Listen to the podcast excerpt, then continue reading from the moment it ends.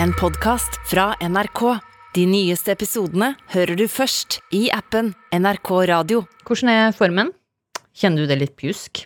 Tre epidemier er på vei opp før jul. Korona, influensa og RS-viruset. Og samtidig så sier Folkehelseinstituttet, som skal overvåke dette her, at de må kutte så mye at det er ekstremt høy risiko for at de ikke klarer den jobben som de er sett til å gjøre. Jeg ville finne ut om helseministeren kan godta en slik risiko. Du hører eller ser på Politisk kvarter. Folkehelseinstituttet skal altså kutte 100 millioner inneværende år, 300 millioner neste år. Det blei ingen betring under budsjettforliket med SV.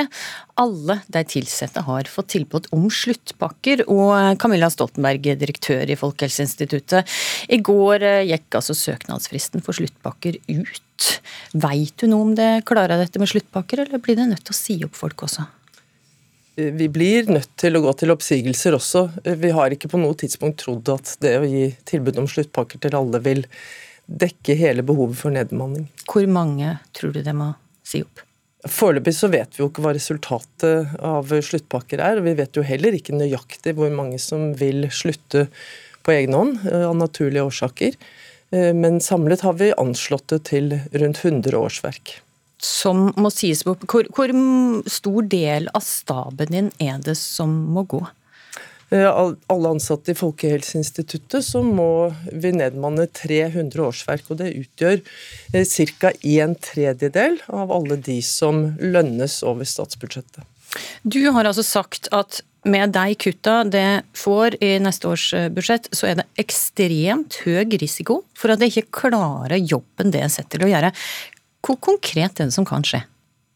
Altså Først må jeg bare si at Det er ikke kuttene alene. Vi har vært forberedt på kutt. At man skal redusere tilleggsbevilgningen til koronahåndtering er en selvfølge. Og Det har vi forventet, og det har vi vært klare for. Det i seg selv ville vært krevende, men det ville gått bra.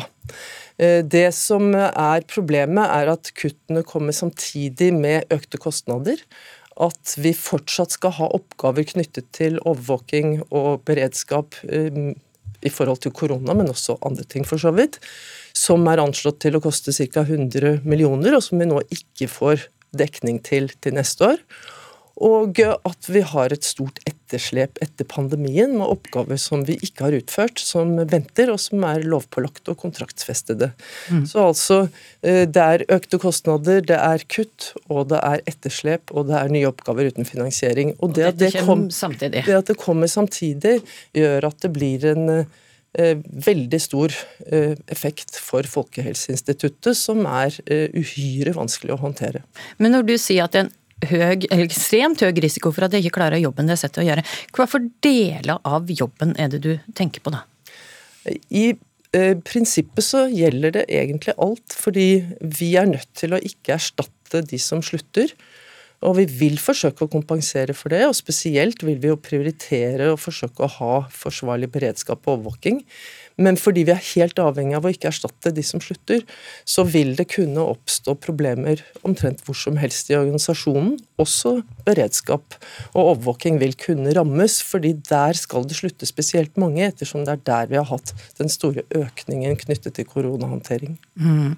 Altså, du har jo som nevnt, altså Det har jo som nevnt fått stor auke eh, av tall på tilsette og masse ekstra penger i, i forbindelse med pandemien. Og, og nå skal jo alle kutte, så det er vel da rimelig at også Folkehelseinstituttet må ta sin del? Det er helt enig og det har vi vært forberedt på, som sagt. Men det er en spesiell organisasjon fordi det er en beredskapsorganisasjon, og fordi det er en organisasjon som driver stor infrastruktur, som f.eks. vaksinelager, laboratorievirksomhet, biobank, drift av helseregistre. Det er en type virksomhet som utgjør en veldig stor andel av det vi gjør, men som ikke er så synlig, og som eh, har gått uten investeringer, uten vedlikehold i mange år allerede, og som nå altså vil lide ytterligere. Mm. Så i prinsippet så, så, er det altså alle oppgaver som kan eh, rammes, og mm. Folkehelseinstituttet har en type oppgaver som gjør oss spesielt utsatt i denne situasjonen. Særlig fordi det kommer rett etter pandemien. Men en ekstremt høy risiko, er det forenlig i et beredskapsperspektiv? Er dette faglig forsvarlig? Det kan jo gå bra hvis det ikke skjer noe som er uoverkommelig.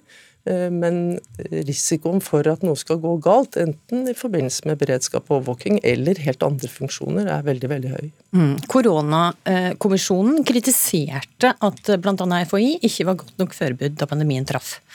Eh, med det budsjettet det får for neste år, og de oppgavene det får, vil FHI være bedre eller dårligere rusta enn før pandemien? Vi vil jo måtte ha mye oppmerksomhet rettet mot å, å nedmanne og omstille organisasjonen. Eh, og den eh, prosessen er veldig stor, så det reduserer jo evnen til å styrke beredskapen. Og vi vil i realiteten, selv om budsjettet ikke går under 2019-nivå, så vil vi i realiteten gå vesentlig under 2019-nivå når det gjelder kapasitet. Og vi er veldig sårbare når det gjelder kompetanse vesentlig under 2019-nivå. Altså, eh, det har stoppa og lagt ned nettsida Sjukdomspuls, som er en nettside som gir, eh, gir oversikt over influensa, mage-tarminfeksjon og korona til alle landets kommuner, slik at en kan se utviklinga. Dette har skapt reaksjoner.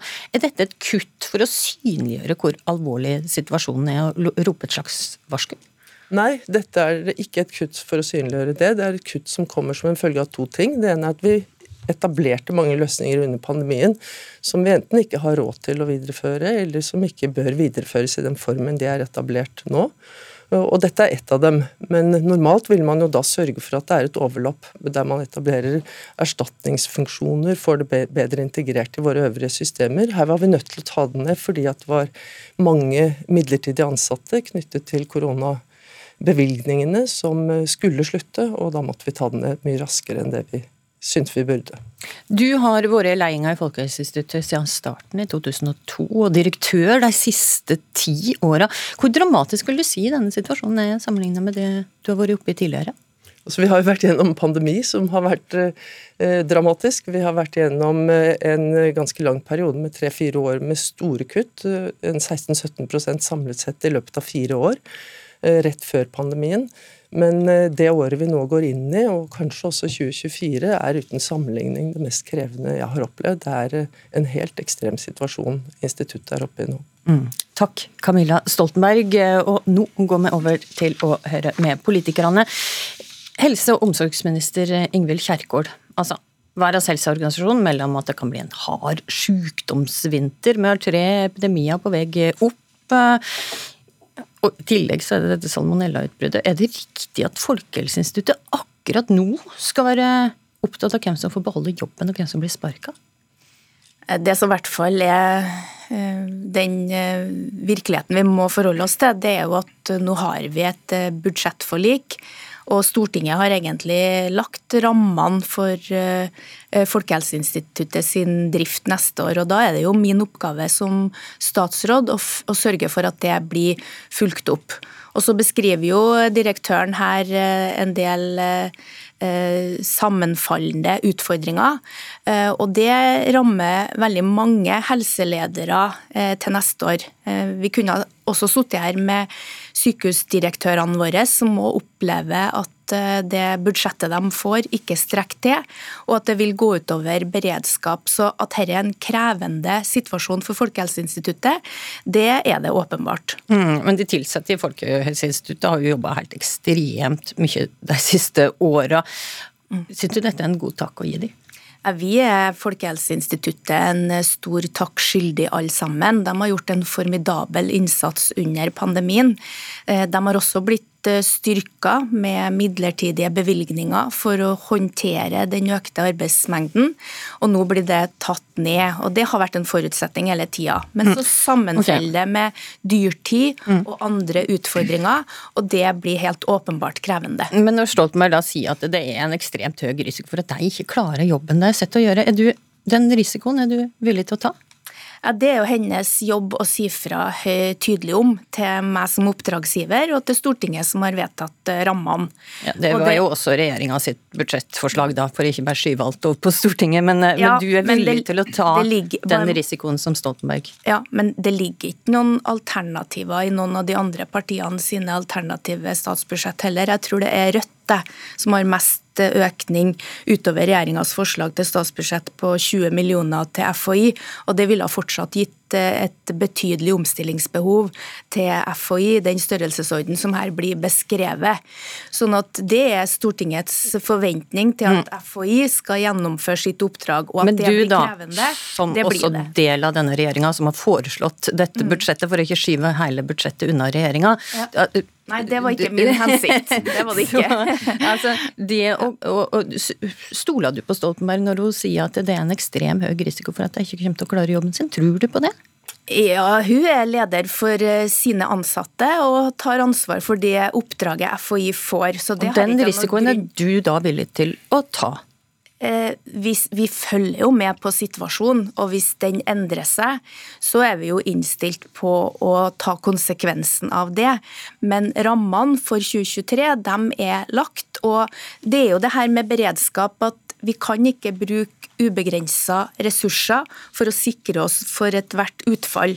Vi styrker Forsvaret, vi styrker sykehusene, vi styrker den beredskapen som skal mobiliseres i krise. og så I tillegg til det så har vi dyrtid, så vi får mindre igjen for pengene. Det da må vi godta litt mindre dårligere beredskap også hos FHI. Erlend Svardal Bø, du sitter i helsekomiteen fra Høyre. Blir du eh, betrygga av helseministeren, eller blir du urolig av eh, det Stoltenberg sier her?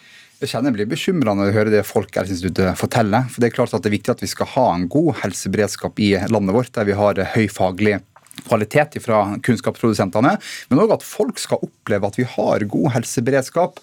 Eh, og Vi er òg bekymra for de kuttene som gjøres. Det er òg grunnen til at Høyre nå på Stortinget har stilt spørsmål til regjeringa om regjeringa er trygg på de kuttene som gjøres, ikke får store konsekvenser. Eh, og så savner jeg kanskje litt da at regjeringa kanskje tar det litt mer ansvar for det som skjer i Folkehelseinstituttet nå. For Hvis en går inn og ser i statsbudsjettet som regjeringa la fram, så kutta jo en òg f.eks. i Helsedirektoratet, men der sier en det at en skal gå inn i i dialogen mellom Helsedirektoratet og regjeringa eh, å finne ut hvordan en skal gjennomføre kuttene. Men når det kommer til Folkehelseinstituttet, så er ikke regjeringa like villig til å ta ansvar for å gå inn i og si noe om hvilken beredskap skal vi ha framover, og hvordan det her skal gjøres på en god måte. Så jeg savner òg at regjeringa Men jeg må bare høre i Høyre sitt alternative mm. budsjett, som del la fram ett etter at eh, FHI hadde ropt varsku, så godtar det nær alle kutta regjeringa kommer, bortsett fra seks millioner. Hvorfor la det ikke inn mer penger hvis det er så urolig? Vi òg erkjenner jo det at FHI må ta ned òg pga. at vi ikke har den samme koronasituasjonen som vi har hatt de to siste årene. og Det er òg som Stoltenberg også sier at det hadde en forventa. Det vi har gjort i vårt alternative budsjett, er at vi har lagt inn 20 millioner kroner, der 14 av de millionene er tilbakeføring av de ABE-kuttene vi gjør, men òg 6 millioner for reduksjon av det som som regjeringa gjør. Ja, men det, det godtar nær alle kutta. Jo, men det er klart at Vi må jo også se på de konsekvensene som nå kommer både på ansatte, hva det har for helseberedskapen, det som skjer ute i kommunene med sykdomspulsen, som du nevnte her i, i stad. Så vi er jo opptatt av å følge den situasjonen som er, og hvilke konsekvenser det her kan få for, for helseberedskapen og, og framover. Kjerkol, hvor mener du FHI skal kutte? FHI har et eh, bredt oppdrag innenfor flere fagområder. Og det er et lederansvar å ivareta det. Så det må vi gjøre i fellesskap, nær sagt. Og til representantens... Så du legger føringa, eller har møter med FHI for å diskutere hvor, hvor disse kutta skal tas? Um, Svardal Bø problematiserte Eh, og sammenligna med Helsedirektoratet. Både Helsedirektoratet og FHI får et oppdragsbrev fra meg og mitt departement, og vi har dialog i forkant av det, sånn at det skal være realistisk, basert på samme virkelighet, eh, og at det skal være en leveranse det er mulig å gjennomføre i 2023. Okay, men Dette ble blir, kanskje blir, litt formalistisk, men, men du, bare for å ta det er sånn det foregår, og det mm. ble fremstilt på en annen måte av representanten fra Høyre. Men du, et spørsmål. altså Koronakommisjonen fant ut at beredskapen ikke var god nok da pandemien traff. Nå hører du Stoltenberg her si at du, vi får ikke noe bedre beredskap enn vi hadde før pandemien, kanskje nesten dårligere. Hvordan kan du godta det? Vi har gode overvåkingssystemer, og vi har utvikla mye kunnskap i løpet av de årene vi har hatt pandemi. Så har vi behov for en bredere beredskap nå, gitt den sikkerhetspolitiske situasjonen. Dyrtid og beredskapen som helsetjenesten representerer, de får òg mindre igjen for de ressursene Stortinget bevilger. Så vi er nødt til å se bredere på det enn hva det vi hadde trengt å gjort hvis vi ikke hadde den økonomiske situasjonen vi har nå. Ok. Ingvild Kjerkol eh, fra Arbeiderpartiet, takk for at du kom eh, til Politisk kvarter. Takk også til eh, Erlend Svardal Bø. Politisk kvarter i dag var ved Astrid Randen. Du har hørt en podkast fra NRK. De nyeste episodene hører du først i appen NRK Radio.